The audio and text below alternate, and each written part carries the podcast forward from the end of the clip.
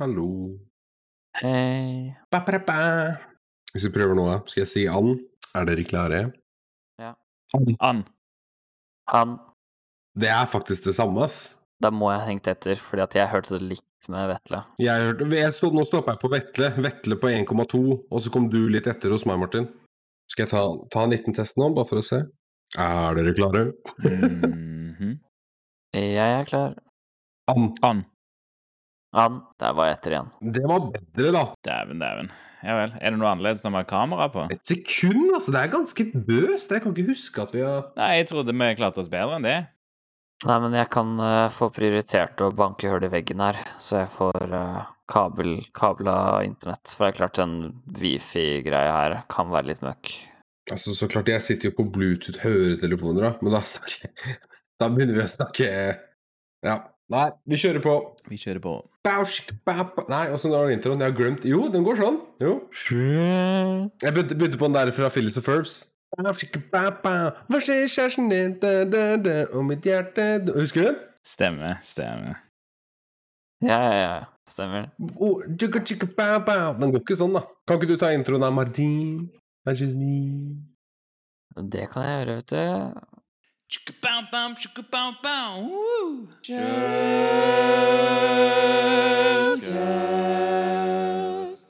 Hei og velkommen til denne episoden av Skjellkast. Dette er episode 0xC, er det ikke det? Eh, nummer 13? 0x0C. 0x0C, faktisk. Tusen takk.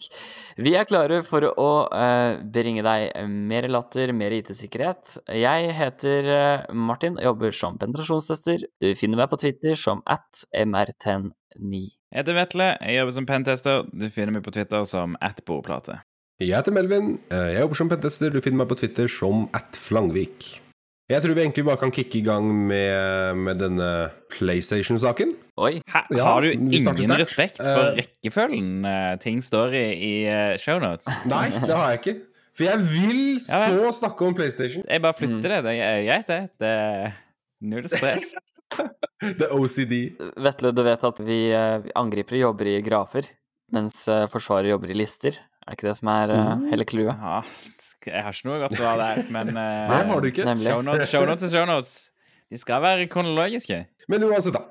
Hvis du prøvde å skaffe deg en PlayStation 5 under lanseringa uh, nå for ikke så lenge siden, eller vel ikke lanseringa, da, under slippen da, uh, nå eh, sist uke, så regner jeg vel egentlig med at du ikke fikk en. Fordi det var eh, knappe litt over 1000, i hvert fall, fra Elkjøp totalt. Eh, som de enheter som de hadde til salgs. Eh, og så var det da Digi har en artikkel i ettertid eh, der de snakker om, om, en, om en gjeng som har klart å lure køsystemet til både Coop og Elkjøp for å få tak i De claimer i hvert fall rundt 150 PlayStation 5, da. For å, for, med da intensjonen om å tjene penger på det, selge de til doble, om ikke mer, på Finn eller andre bruktmarkeder, og, og tjene penger på de. Eh, noe som egentlig Altså, jeg syns det er litt vanskelig sak, for, for, for det, er litt, det er litt kudos at du har uh, funnet ut hvilke parametere du måtte replaye i Hotted Prayer Requesten for å skippe køsystemet, eller snakke rett med API, eller hva som ble gjort. De snakker litt om det i uh, Unnskyld, Tech var det ikke Digi. Tech-artikkelen. Så det er litt kudos, men samtidig så ble jeg jo litt forbanna, da. At det kunne vært 150 mennesker der ute i alle aldre som faktisk hadde lyst på den her, som en julegave eller noe, og som da ikke går igjen fordi du skal tjene penger på den på Finn.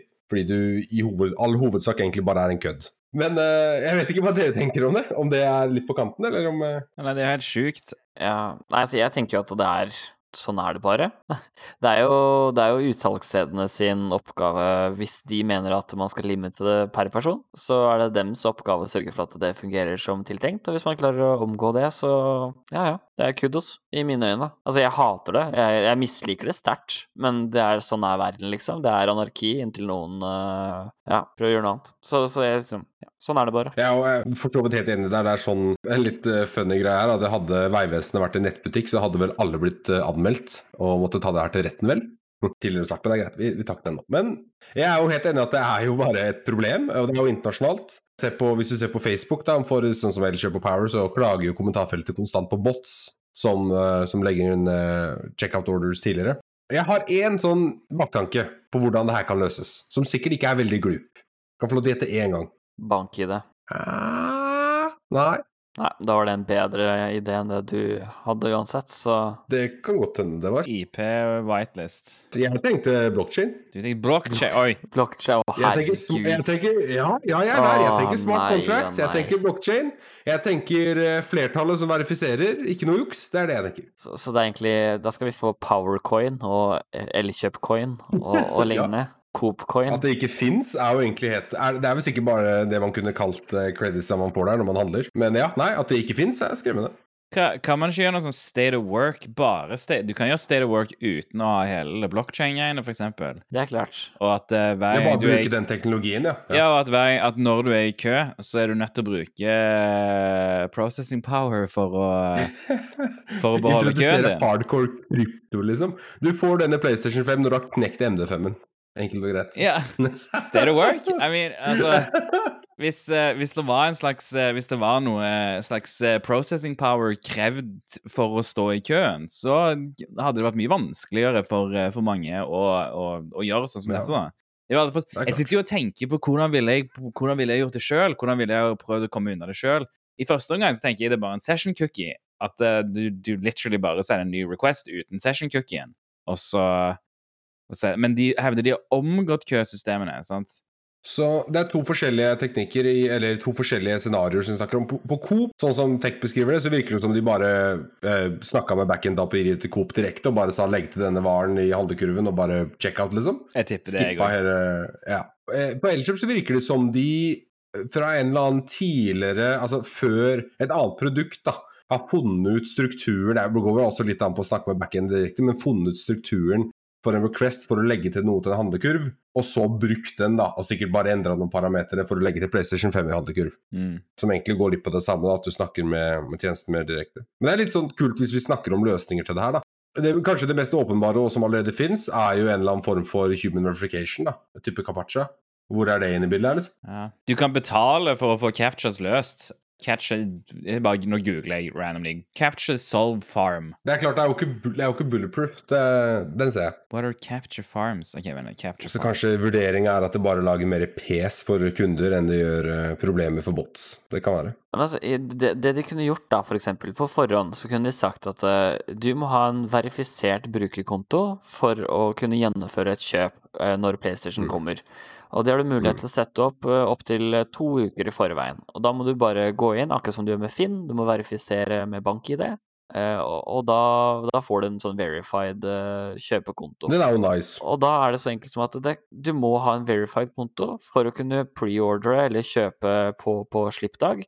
Kjøpe type PlayStation. Og så hvis du da tillegg legger til eh, maks én Ja, ja, nei, selvfølgelig. Ja, stemmer. er verifisert brukerkonto, så har jo du mye av hoarding-problemet løst. Du kan, si, du kan si liksom, ja, worst case, da kan du si du kan kjøpe to stykker, da. Eller et eller annet sånt noe.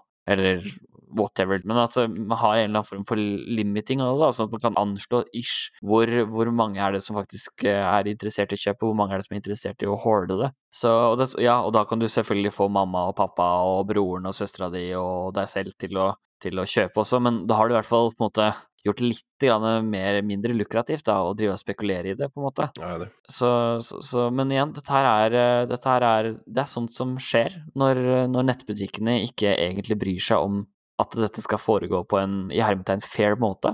End of the day så er det bare business som du egentlig kommer fram til nå, da. Ja, altså, altså Coop og Elkjøp fikk jo solgt disse, disse varene, da. Så for dem så er det jo ett fett, egentlig. True. Jeg skal bare ta oss litt tilbake til dette capture-greiene. For at eh, Jeg vet ikke om jeg har egentlig lyst til å annonsere dette, men jeg gjør det likevel.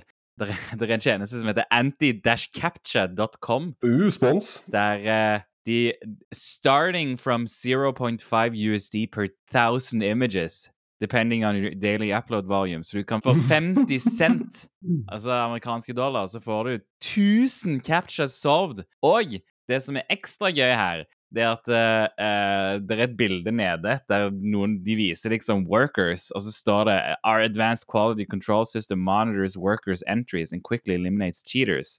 Fordi at uh, alle som skriver inn captures, er humans. Det er ikke noe sånn automatisert greier. Og så har de tatt maskotkarakteren sin, som har et svært våpen sikta mot workerne sine. Den animasjonen som liksom For å vise at de passer på at workerne skriver inn riktig captures. Wow. Så det ser eh, Ja, nei, det bare ser eh, Det ser ikke shady ut. Det ser, det ser faktisk ikke shady ut i det hele tatt. Anti-capture.com. Gå inn og se. Det er interesting. Hvis vi er sponsa neste uke av dem nå, så Ja, men faen, ikke kjøpe tjenesten. Jeg vet ingenting om det. Jeg tror ikke Jeg tror ikke det er noe smart å kjøpe disse tjenestene heller, for så vidt. Nei, nei det, så den legges jo egentlig ganske død. Da. Jeg trodde vel Jeg visste at det eksisterte noe tilsvarende, men jeg trodde vel kanskje ikke det var på den, på den skalaen der. Men det er klart, de bruker jo mennesker, da, så de har jo ikke funnet noe teknisk. De har jo egentlig bare ansatt en haug med folk som sitter og løser Capache. Åssen er det du uttaler det? Jeg sier Capache, er det helt feil? Capture. Captcha. Caps, capture. Capture. Capture. Som i eh, Captcha.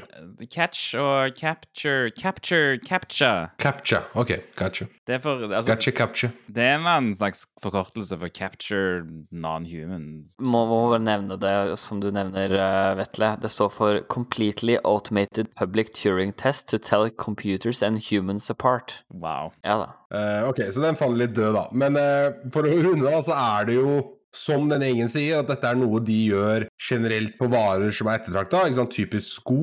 Eh, eksklusive sneakers. Eh, det er vel en egen industri i seg selv på verdensbasis. Så det er jo er et problem, og som Martin peker ut, altså Selskap og Elkjøp Coop tjener jo enda stadig penger på det her. Så, så de, de er jo ikke pålagt å ha en moral i det her, ikke sant? De, de tjener penger.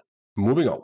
Har noen lyst til å introdusere en annen topic? Nei, nå er jo spørsmålet om du skal eh, liksom bumpe dine egne greier igjen, eller hva det er. Nei, det er ikke, det er ikke meg. Nei, altså nå har jo liksom ikke den lista her noe å si lenger, ikke sant? Så, så her er det jo komplett anarki fra din side, Melvin. The integrity of the list is lost. Integrity.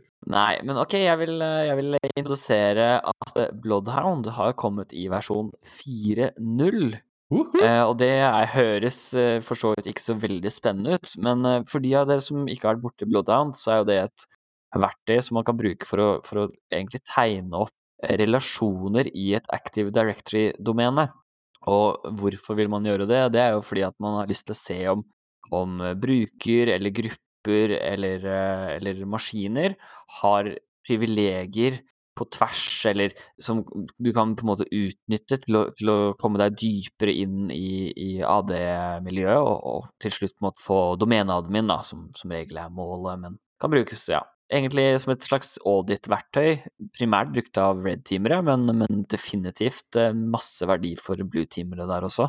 Og, og veldig intuitivt, veldig enkelt. Det er sånn høyreklikk og liksom vis meg korteste vei til domeneadmin. Men nok om, nok om Blooddown sånn sett. Men denne versjonen her introduserer da eh, Asher.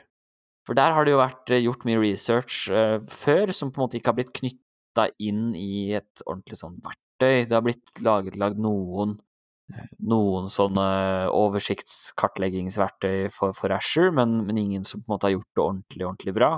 Men det har da Spectrops-gutta funnet ut at det må vi jo ha.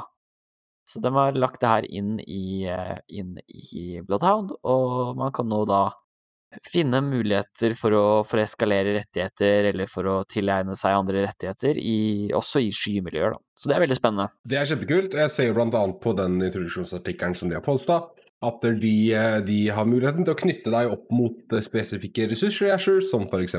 App, app services, subscriptions, service principles, eh, key vaults, eh, VM-er, da, som sikkert er eh, hva skal jeg si, høyt oppe på lista på targets. Resource groups, devices, altså mye forskjellig. Så det er jo kjempemoro. Så neste gang du angriper et domene, omprem, som f.eks. synker mot AD, så kan det hende det dukker opp en del flere noder enn før etter du kjører den nye versjonen av Bloodhound. Ja, det anbefales absolutt å prøve å bruke Bloodhound eh, en gang, hvis du ikke har gjort det i en pentest. Bloodhound er gold. Mhm. Ja, absolutt. Det er liksom eh, go to-verktøyet for, for vår del, egentlig, som regel. Altså, det støyer litt ofte å hente inn all den informasjonen som, som Bloodhound henter fra, fra AD, men uh, utover det, så hvis du er et miljø som kanskje ikke bryr seg så mye om logging og deteksjon av den type ting, så, så er dette et standardverktøy som man bare må fordi det er så enkelt. Altså, du har jo hatt sånn LDAP domain dump og sånt, noe som har gitt deg sånn HTML-sider med, med, med grupper og brukere i grupper og sånt, som har liksom funka greit. Men, men Bloodhound revolusjonerte jo alt med å putte det i en graf-database, så du liksom Du ser connections i sånn Ser ut som et sånt nettverk, eller det er det der, da. Et nettverk av, eh, av connections mellom brukere og maskiner og, og grupper. Mm. Så det er kult. Så litt sånn som sånn det fungerer, så har du nå egentlig da to forskjellige data ingesters. Du har uh, Sharphound, som er uh, PowerShell slash Sharp-versjonen av datainnhenting for, uh, for baseline Bloodhound. Og så har du også nå da PowerShell-script som heter Asherhound, eh, som da i løpet av, eller ved hjelp av en tilkobling til Asher-miljøet, det kan være en service principle, eh, det kan være en konto, eh, bruker den, eh, disse, den, den, sesjonen til å enumerere Asher-miljøet ditt. Og så dumper de da begge de to eh, datafilene inn i, i Bloodband, og så får du da en til, kan du f.eks. få en tilkobling mellom dem. da. At det sier denne brukeren har tilgang til å kjøre koder på denne VM-en osv. Ja, det er kult. Jeg gleder meg Jeg har ikke fått tatt den i bruk ennå, men eh, jeg gleder meg til å, til å leke litt med, med Asher. Og så er det jo Jeg vet ikke om det finnes tilsvarende for type AVS og sånt, men eh, det håper jeg at kommer på et tidspunkt. Noe som gjør det like enkelt. Det gjør det helt sikkert. Det handler vel noe om uh, autentiseringsmekanismen og, og, protokoller, vil jeg nesten regnet med. Jeg tipper Asher har noen enkle, enklere autentiseringsprotokoller knytta til uh, altså Asher du allerede er i, da. Uh, domenet du allerede er i, tenker jeg på. Ja, altså som Asher vanlig, vanlig bruker, så har du jo en del leserettigheter til Asher AD, sånn som du har i et vanlig AD-miljø, og så er det må du ha resource manager permissions for å kunne, kunne se VM-er og, og keyvolts og sånne ting. Mm, så, men det er en permission som du faktisk må få, da. Men, så du har på en måte 50% av Asher-biten har du allerede som en vanlig domenebruker, og så den resterende må du på en måte tilegne deg, da. Ja, ikke sant? Så det er jo det som skiller det fra AVS og sånt, som du sier, at uh, AVS er på en måte et helt separat, mens AVS er sånn halv, nei, Asher mener jeg er sånn halvveis integrert i, i domenet ditt fra før av. Ja, jeg skjønner jo at Microsoft gjør det òg. Det er jo noe av det som Altså, ja, nei. Det er jo verdien i Asher det, er jo at du kan autentisere uten å måtte liksom issue nye ting i en ny plattform. Ja, det var det jeg skulle til å si, og så kom jeg på at jeg egentlig ikke hadde peiling på hvordan folk og hvorfor folk bruker Asher, så jeg tenkte jeg skulle holde kjeft. det er, er, er noe sånne skygreier, er det ikke det? Cloud. Cloud. Ja, for her, eksempelet her da, så har du f.eks. en VM-node uh, i da Bloodhound som du har henta inn gjennom Asherhound, og så kan du se hvilken brukere som har uh, AS Contributor, AS VM Contributor osv. roller til en VM-en, da som har tilgang til å, å kjøre ting f.eks. som system eh, på den maskinen. Så det er kjempeinteressant. Jeg har heller ikke fått brukt det ennå, men det kommer sikkert til å dukke opp neste gang man angriper eh, enten da et rent eh, Asher Shimley eller eh, omprem hybrid. Kjempespennende. En annen ting som er veldig spennende, det er jo at eh, Avas tilsynelatende inkluderer en modul i antiviruspakka si som du kan bruke til å dumpe Elsas. Eh, og det er jo nå forsvant linken jeg skulle klikke på her, så nå fikk jeg liksom ikke Der, ja! Sånn går, sånn går det. Linkene flyter i, i, i når, du fly, når du flyter, så flyter linken òg. så uh, i, i, i, denne, i denne bloggposten om det her, så er det egentlig et uh, programtillegg som følger med av oss som heter AV-dump, som har en hjelpemeny. Der han egentlig bare spør om, uh, om PID og litt ulike andre parametere. Output, dump-fil, Eh, hvor, han skal, hvor vil du skal dumpe eh, hva skal jeg si, minnet. da. Eh, du tar en memory dump annen prosess, og så tar du Elsas. Så kan du mate det inn i en, et, et, selection of many varianter av Mimikats parsing, da, eller andre creds parsere, for å hente ut potensielt plaintext credentials fra minnet til Elsas. Så det er kjempekult. Grunnen til at det her er kult, er at du istedenfor å bruke drøss med andre teknikker, men det, det, sier kanskje noe om at det, det å dumpe Elsas er tydeligvis noe eh, store software distributions eh, sånn som Avast også gjør. Og at det kanskje også finnes veldig mange andre eh, programpakker der ute som du kan misbruke til å dumpe Elsas, som vil da fly under radaren til ulike EDR og antivirus, andre antivirus-solutions. Eh, da. Så det er litt interessant. Avast regner jeg med ikke kommer til å flagge at programvaren deres dumper Elsas, f.eks. Eh, så det kan være interessant å se nærmere på. Det er veldig spesielt. Han har til og med skrevet en metasploit-modul for, eh, for, å egentlig bare execute AV-dump. Det er kanskje litt uh, unødvendig i mine øyne, men, men eh, dette er da for Avast Home Security, så det er vel sjansen for at du ser det i prod er jo ikke verdens største, selvfølgelig, men det er jo en sjanse, selvfølgelig. Jeg lurte litt på, det sto ikke noe om den her var signa av eh, av mm. eh, liksom Avast, men det må den jo være, antar jeg. Jeg er villig til å vedde en, en øl på at den er signa av Ast. Eh, ja, og det er jo det som er litt av det spooky her, da. Hvis, hvis den er det, hvis vi antar at den er det, så, så får du egentlig en signert applikasjon distribuert, distribuert av et antivirusselskap til å hjelpe deg når du angriper en, en maskin, liksom. Og det er jo ja, det er jo litt artig, da. Det er litt sånn Antivirusprogrammer er så det dum. Jeg skjønner ikke hvorfor de Altså, de oppfører seg som om de er de eneste på datamaskinen. Altså, de tar alle ressursene dine når de skanner, og så lar de masse programmer ligge som er motsatt av det jeg vil at et antivirusprogram skal gjøre. da. Hva de holder på med, skjønner jeg egentlig ikke helt. I hvert fall home security. Et, men jeg tror nesten Altså, hadde jeg vært antivirus, hadde jeg jo bare gitt opp på home security-antivirusmarkedet, fordi at eh, du har Altså, når du har Windows eh, Det heter det Defender fortsatt. Det heter ikke Defender, nå heter det noe annet sikkert. Det heter Defender. Nå er det Defender. Jo, det er det fortsatt. Ja, nei, jeg tenkte Microsoft Security Essentials, men det bytta navn til Defender. stemmer. Når du har Defender, så trenger du ikke Så trenger du ikke Avast eller AVG eller Panda Security eller whatever, sant?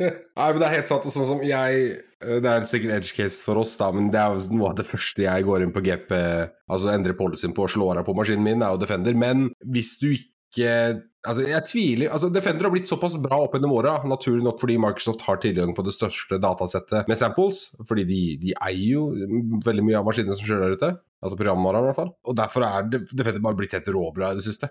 Så, så ja, nei, jeg, jeg ser ikke noen grunn til å kjøpe noe, eller anbefale noen som får for antivirusprojekter, annet enn en Defender på en, på en plain Windows eh, install. Så sier vi da ikke, det er verdt å nevne, at vi sier ikke at Defender er bra, eh, men det er bedre enn de andre alternativene. Det finnes veldig mye der ute som er mye dårligere enn Defender. La meg heller si det sånn, da. Mm. Ja, altså, det meste, det meste er dårlig. Altså, eh, hvis du skal kjøre antivirus, så kan du like gjerne bare kjøre Defender, fordi at alt annet er mer crap enn Defender. Mm. Mm.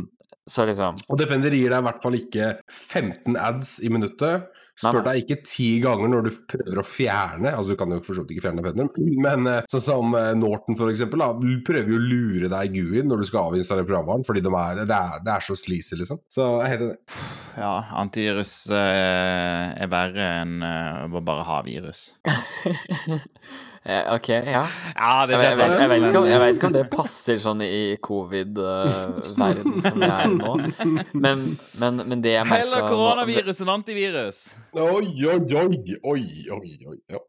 Men jeg har lyst til å hoppe over på et, eh, et annet tema. Det er noen folk i Belgia som har funnet ut at eh, Teslaer er litt morsomme å, å, å leke med. Og da er det eh, ja, researchere fra SICK, som er en researchgruppe på University of Leven i Belgia, som har funnet ut at, eh, at eh, du kan bruke en gammel, altså en, en, en sånn electronic eh, Hva er det heter? Eh, com- computing unit. Electronic control unit, fy søren. Klager. Electronic control unit fra en gammel modell X som har blitt vraka eller whatever, og så kan du modifisere den. Eh, og det her er den som snakker Bluetooth med, med nøkkelen til folk og mobiltelefoner og sånt, for du kan jo låse opp Teslaen din med, med mobilen pga. Bluetooth-teknologi, eller BLE som det heter. Og greia her da var at denne protokollen, eller oppdateringsmekanismen for de keyfobene, er sårbar eh, for at du kan basically putte hva du vil på keyfobene. Så trikset de gjorde da, var at de omprogrammerte denne ECU-en som de hadde fått tak i, sånn at den sendte ut en, en eh, kall det ondsinnet update til keyfobber som var rundt. Det, det må ikke være liksom keyfoben som tilhører den ECU-en, det kan være alle keyfobber generelt sett eh, fra Tesla, og da kan de pushe oppdatering på keyfobbene og så kan de da hente ut unlock-koder som ligger der, altså gyldige unlock-koder, og da kan da bruke de på åpne Teslaer, altså tilhørende da Model X i det tilfellet her, da. Så det er litt nytt, eh, litt, ny, litt nytt angrep i forhold til det vi har sett før, for da har det vært mye replay-ting og greier, men, men her er det bare rett og slett komme inn i keyfoben, hente ut keycode, og så bruk den på når du prøver å låse opp uh, Model X-en. Sånn som du forklarer det, så høres det ut som om man kan remotely flashe disse keyfobene Ja. med ny software. Det, det er riktig. Også, eller firmware.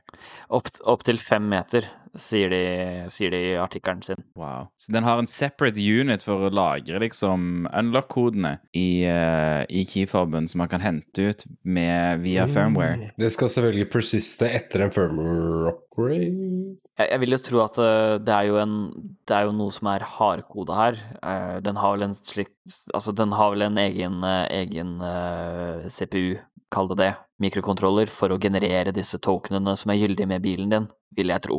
Som ikke er den du flasher, på en måte, hvis det gir mening. Så du har to separate enheter. Er litt som å ha en PC og en YubiKey kobla i PC-en, ikke sant? Mm. Eh, Så at du kan hente ut koder fra Ah, YubiKey Du henter ut koder, ja. Sant, for du henter ikke Ja, ut selve Ja, ja, ja. Ja, OK. Jeg tenkte at, om- at, eh, at eh, malicious firmware du putta på keyfoben, at den sendte deg liksom the master key. Og så tenkte jeg ah, hvorfor, hvorfor har de gjort det sånn? De kan jo gjøre det sånn som med YubiKey, men som du sier, man kan hente ut unlock codes. I, Mm, eh. I flertall, så du henter ut Ja, som om noen trykker på en YubiKey flere ganger, da, eller som om noen trykker på nøkkelen når du, du får den riktig. koden som man ville ha sendt til bilen, som er sikkert en nonsverdi.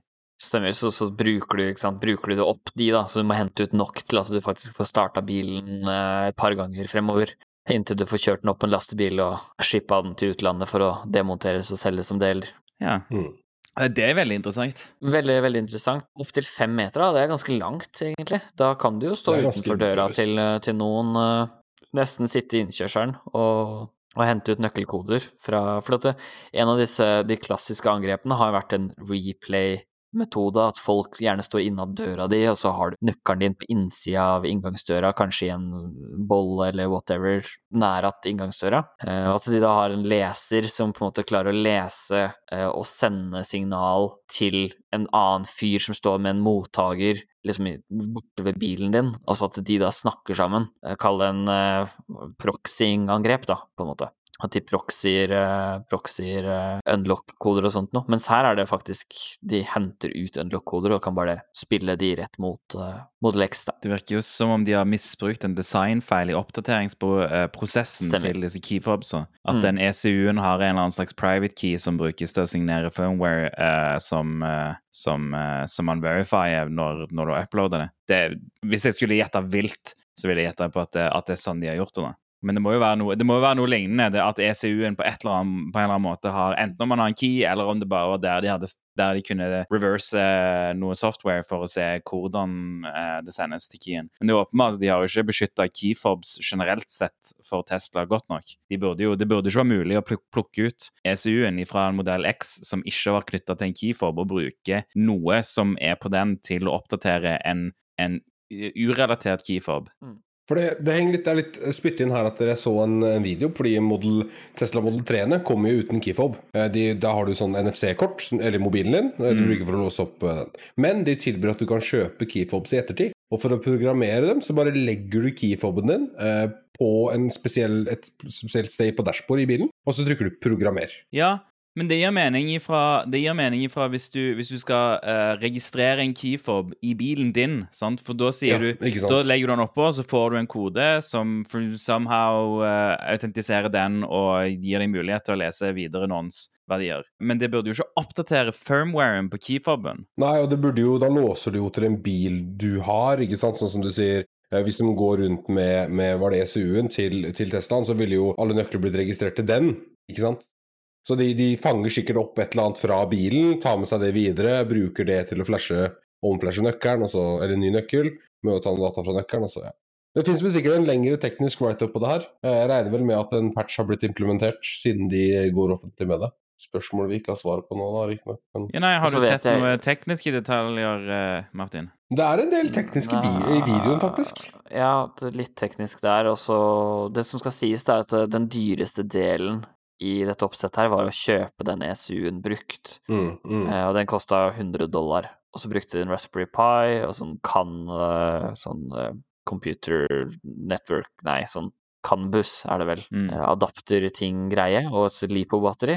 Og så hadde de en portabel løsning for å for å kunne gå rundt og gjennomføre det angrepet her, da. Så sånn hardware-messig så var det ikke noe veldig fancy. For å se hva de gjør her, da, så går de egentlig bort til bilen, og så Jeg vet ikke om han Det virker som han det virker som han leser et eller annet fra bilen som han gir til input-parameteren på stage 1. Ja, du ser den videoen, du òg? Jeg ser på videoen, ja. Ja. Og, så, og så kjører han det skriptet, og så får han et eller annet fra Ja, han leser VIN-nummeret på bilen! Det er det gjør. Ja, ok. Det som Mhm. er at han leser Vin, eller emulerer den eh, BCM Secure Element som det står Body Control Module, men det er vel sikkert den han holder selv, da. Bes, ja. mm. men, men poenget er at eh, da vet han vinen, og så forcer han keyfobs som er paira til den vinen.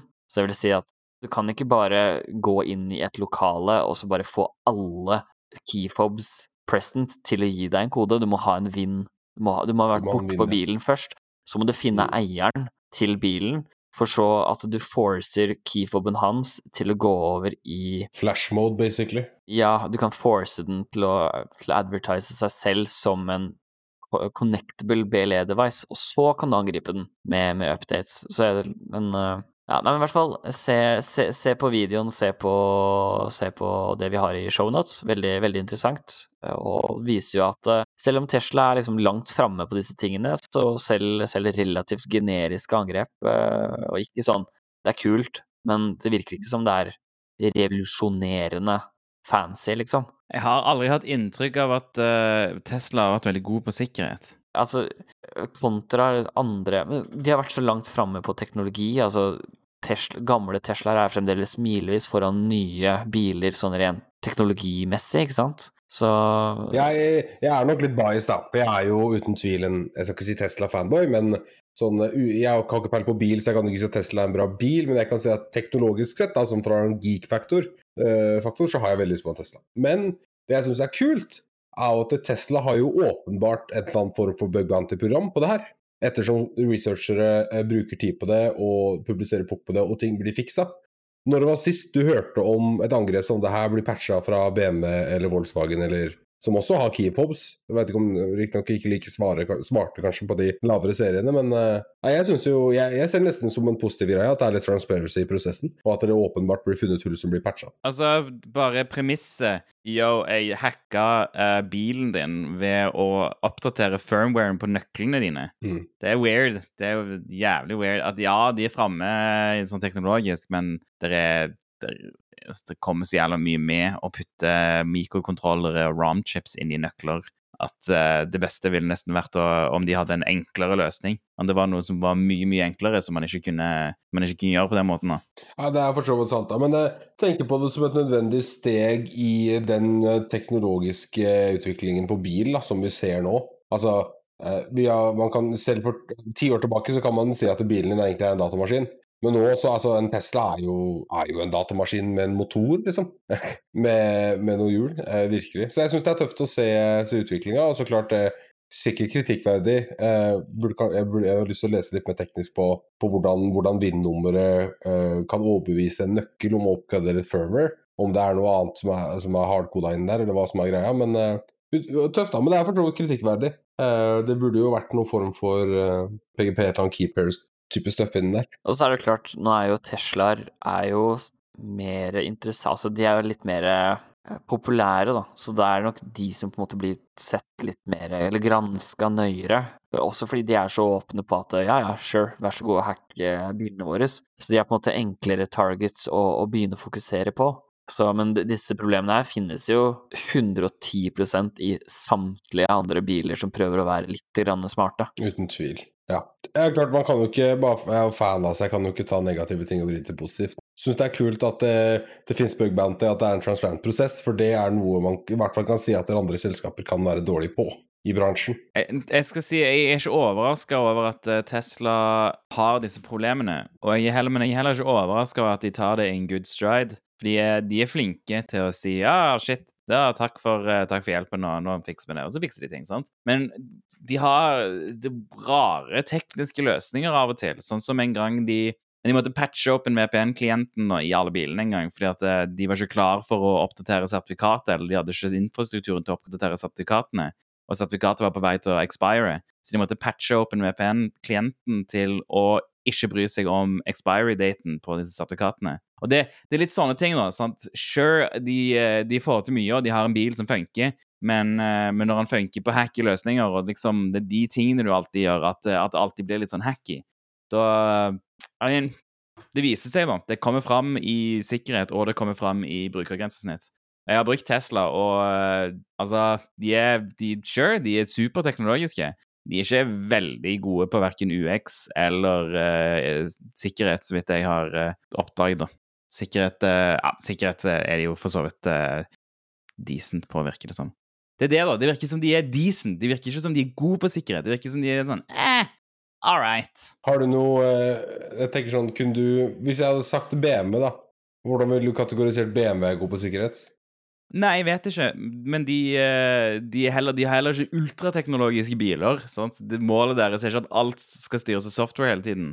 Tror jeg. Jeg har ikke peiling. Jeg kan Nei, ingenting om biler. Jeg, ja, det blir jo feil, vi er jo langt ute på tynnis her uansett. Men sånn som, det er nok sånn som du sier, altså Tesla er vel, skal jeg prøve å større på den eneste bilen som får type oppdatering over the wire eh, årlig med nye features. Det, så vidt jeg vet, er ikke det å finne på noen andre biler. Og det, det sier noe om teknologisk det er, og da har du større angrepsflate, så klart. Eh, men det er, det er som du sier, altså.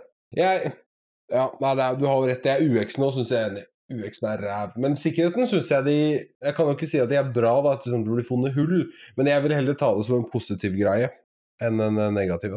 Litt sånn Apple. Ah, Apple iPhone er så sikkert. Nei, det er ikke det. Uh, du bare Altså, nå har de, I siste så har de jo tatt av helt i forhold til exploit som finnes, da.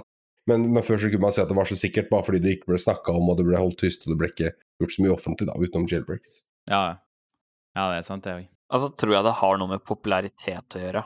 Altså, iPhone har åpenbart tatt liksom Det har blitt mer interessant å gjøre, gjøre, research på, fordi at det har blitt ansett så mye vanskeligere. Så derfor har det vært litt kulere å, å, å, å lete etter ting i. Og jeg tror det er det samme med Tesla. Tesla er kule. Tesla virker som at de gjør en decent jobb eh, software-messig, eh, og da er det de som det er kule å, å teste og leke med. Ja, ja, så er det sikkert en eller annen fyr som har fått en eller annen Tesla, eller noe rabatt på Tesla via et eller annet sted han jobber og studerer for å gjøre research, liksom, eller et eller annet. Altså, jeg, jeg, tror, jeg tror, det har litt med popularitet å gjøre. Det er sånn ikke, ikke kom og si at det ikke finnes tilsvarende sårbarheter i Android som det gjør i, i iOS, liksom. Det, det nekter jeg å tro på, men det handler bare om at folk ikke gidder å bruke tid på det så er det jo ingenting er sikkert. Men det handler jo om hvordan de håndterer det, da. Og Tesla har i hvert fall vært eh, ganske ålreit på hvordan de håndterer ting. Ja, det, det, skal de ha. Jeg har aldri sett de håndtere sikkerhetshendelser dårlig. Nei. Offentlige sikkerhetshendelser. Jeg tror, jeg tror, egentlig det er bedre metric på om de bryr seg om sikkerhet enn en noe annet, liksom. Det kan man si. Jeg ville ikke brukt det som en metric, men uh, det er lettere å si ja, takk, jeg gjør ting med det, enn å bry seg om det i utgangspunktet. Og og høre etter på de interne ressursene som sier ifra når ting er ikke er sikkert. For jeg regner med at de òg har interne ressurser som sier designet her er ikke ordentlig, vi er ikke helt sikre på, hvordan på dette designet, vi er nødt til å få ressurser til, til å researche eller penteste eller whatever, og så har de ikke fått det, tipper jeg. Så jeg syns jo eh, Det er nok ikke, kanskje ikke en god metric til hvor sikre de er, men det er iallfall en god metric til modenheten rundt sikkerhet, attituden. Og da går jeg tilbake på dette med bug bounty igjen. Eh, at, at, Tesla i seg selv, altså greit det er høyteknologisk, man skulle forvente det, men at de har en bug bounty, er jo et sign på modenhet. da. Eh, man, eh, man, lager jo ikke et produkt uten å teste det i det hele tatt selv, og så går du opp med det og sier at finner du en feil, så kan du få masse penger, liksom. Det ville jo ikke vært et godt image i lengden. Mm. Nei, det er jo en hel bug bounty-debatt inni der. La oss, la oss, ikke ta den nå. Det, det, tror jeg ikke jeg har energi til å gjøre, faktisk. Nei, helt enig. Helt, helt enig.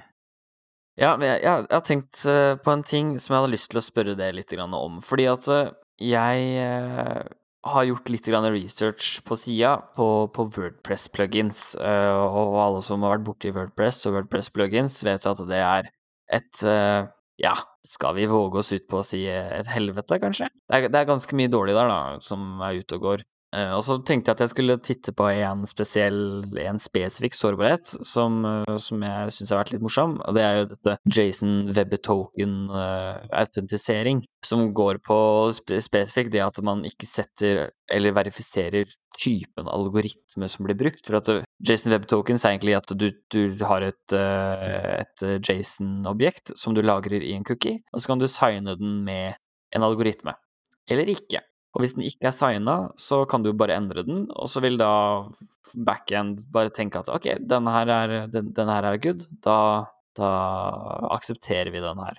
Så jeg, jeg dro ned en haug av, av de Wordpress-pluginene som tilbyr uh, og liksom gir deg et API inn i Wordpress via Jason Web Tokens. Og I det tilfellet her så var det, var det en som, eh, som den lagde et REST-API som du da kunne, kunne accesse med JVT-tokens, men du måtte liksom autentisere og sånt noe. Men da kunne du bare endre cookien, egentlig. Basically, det er det det, det, det ender, og i bunn og grunn ender opp med. At du bare kan endre cookien, og, og da få, få, tilgang til REST-API via som, som brukernummer én, da som gjerne er, gjerne er admin. Eh, men, men clouet her, da, for at det er én ting, det er vel fortsatt forresten en, en Kall det en zero day, bare sånn hvis noen er ute der og har lyst til å lete selv. Eh, og, og grunnen til at det, det fortsatt er det, er, er følgende. Dette, den pluginen her, den har 100 pluss active installations, ifølge wordpress.org. Og, og det er jo eh, på en måte Den har ikke blitt oppdatert på en stund. Utviklerne er, eh, er, ikke noen kjente, altså det er bare et lite selskap et eller annet sted. Og så blir man litt sånn Skal man gidde? Skal man, skal man ta jobben med, med å, å, si fra? For det har man gjort før. Sagt ifra og prøvd liksom få gjennom at nei, nei, dere kan ikke gjøre sånn, dere må, dere må oppdatere sånn og sånn. Og, og så får man ikke noe svar. I det tilfellet her så sendte jeg mail, men jeg fikk ikke noe svar. Og da blir jeg litt oppgitt. Og da tenker jeg i, nok et, i et hav av crappy Wordpress-plugins. Hvis man skal gjøre research, hvorfor gidder man egentlig, når man vet at man ikke får svar da, fra utviklerne? Det blir ikke gjort noe med. Så, så jeg vet ikke, hva, hva, hva tenker dere om hvordan, hvordan, burde man håndtere en sånn situasjon, da, egentlig? Altså, her har du Wordpress-plugin, den har 100 pluss aktive installasjoner, så da er den antageligvis i prod på hvert fall eh, en del nettsider på, på internett. Eh, og den er sårbar for Altså, som admin i, i, Wordpress, så får du jo på en måte RC på, på webserveren, da. I hvert fall som, som webbrukeren. Ja, hva Active installations, vet han at de er aktive? Er det sånn at de pinger tilbake igjen og sier hei, hei, jeg bruker disse pluggene her, liksom? Jeg mistenker det. At det er noe metric-deling der, ja. Ja, nei. Det står jo altså sånn som du, eh, sånn som du har kommentert under saken her, at du ønsker deg en Wordpress sock slash cert som kan remote-blokke eller bare alarmere om sårbare plugins. Altså, jeg føler det må være Når de først har et, et plugin-galleri, så burde de ha en report-knapp der som du kan si liksom, yo, jeg har funnet uh, sikkerhetshull. Så kan de uh, sende en sånn automatisk mail til utvikleren hvis de ikke svarer innen tre måneder. Altså, alt de kan si, liksom, er ja, sure, det er et sikkerhetshull, eller nei, det er ikke noe sikkerhetshull her. Og så, uh, hvis de sier nei, så kan man få escalate det som, som researcher, for eksempel. Uh, og, eh, og, hvis noe blir klassifisert da, som en sårbar plugin, så er det jo bare til å si til brukerne så, av disse Wordpress-sidene ja, den her ser ut til å være, være ja, shitty, som er fiksa deaktivert den. Nå ser jeg jo det, da. At de har faktisk en mail du kan maile hos Wordpress for å få den blokkert. Jeg tenker jo at det her går litt på kvalitetskontrollen fra Wordpress' side. Altså, Mye av plugins er jo community-driven. Eh, de er gratis, de er utvikla av communityen og publisert. Eh, kanskje det skulle vært noe større form for kontroll og testing før, eh, før det blir lagt til i det offisielle click and download the news-repoet eh, med på installasjoner. Også som du sier, da, hvis du har en e-post nå, så det betyr nødvendigvis ikke at du får noen respons derfra, men det hjelper noe, i hvert fall. Jeg ser faktisk her også på wordpress.org, så er det en Hvis du finner en plug-in med en sikkerhetsfeil, så ikke post den offentlig, men rapporter til plugins at wordpress.org med følgende info. Så nå er det jo åpenbart det jeg skulle gjort, så nå føler jeg egentlig hele det segmentet her bare døde. Nei, men de, de, de, kan fortsatt ikke blokkere det. det er ikke så, altså, Blokkerer de det i aktive installasjoner? Nei, nei for det de kan, er at uh, de kan, de kan uh, forhindre nye nedlastinger, står det her faktisk. Ja. Så det er jo bra. Fordi, eh, altså det, det, er liksom litt sånn, da. Hvordan får, de, hvordan får de som allerede har installert det, hvordan får de beskjed om at, eh, at utvikleren ikke er aktiv lenger, at eh, det er et sikkerhetshull, og at alle kan bli fiksa? Uh, ja, det er for så vidt et godt poeng, men sånn som jeg vet jo når Jeg vet ikke om de har noen form for varsling. Jeg vet jo når VP-installasjonen i seg selv har gått ut på dato, så får de jo Altså I mange tilfeller så oppdateres den automatisk. Du trenger ikke du får ikke noe bekreftelse engang. Du må ikke trykke OK. Eh, men jeg vet ikke om de har noe tilsvarende. At de kan varsle brukere med noen, melding eller noe mail eller eh, det er jo, ja, Nei, jeg vet ikke. De, som, som Martin sier, du fjerner det i hvert fall fra det quote quote offisielle repo da, Mm. Ja. eh, for butikken, liksom. Ja, så det, det, det er åpenbart at jeg burde google det her litt hardere før, eh, før, jeg, før vi snakka om det, men, eh, men det er tydeligvis det jeg må gjøre, da. Så forhåpentligvis så blir den stengt for nye nedlastinger, sånn at ingen andre brenner seg på denne pluginen her. Mm. Dette var alt for denne gang. Om du har forslag til tema, kommentarer eller andre ting, ta kontakt på podcast at shell.sh, og det er da Shell skrevet med 5, h3ll.sh. Du kan også uh, tagge oss på Twitter, eller skrive uh, direktemelding på Twitter. ja, nei, jeg vet ikke om vi har så mye mer nå i dag, har vi det? Nei, det blir vel en uh, hermetegnet kort uh, podkast, si. Ja. Kompakt og fin. Jeg tenker kvalitet over lengde, tenker jeg, sånn i forhold til podkast. ja, det er sant. ikke, for- ikke i forhold til andre ting, si. Hovedsakelig podkast. Kvalitet. Ok, Martin, har du lyst til å følge opp hvordan du rangerer kvalitet i andre kontekst? Kvalitet er de delene der stemmen min er tydelig, og altså, Oi. de andre delene er bare ikke kvalitet. Vetle, Vetle er definisjonen på kvalitet, er egentlig det han prøvde å komme frem til der. Ja, absolutt. Mm, uten tvil. Jeg har ingen, uh, ingen flaws. I am perfect. Jeg, jeg likte spesielt de eh, 30 minuttene med stillhet på slutten av siste episode. Det var kanskje det var eh, det mest eh, frie, frigjørende jeg har hørt på, på en stund. Produsent mistake? Jo. Bare kunne sette seg ned og bare nyte stillhet.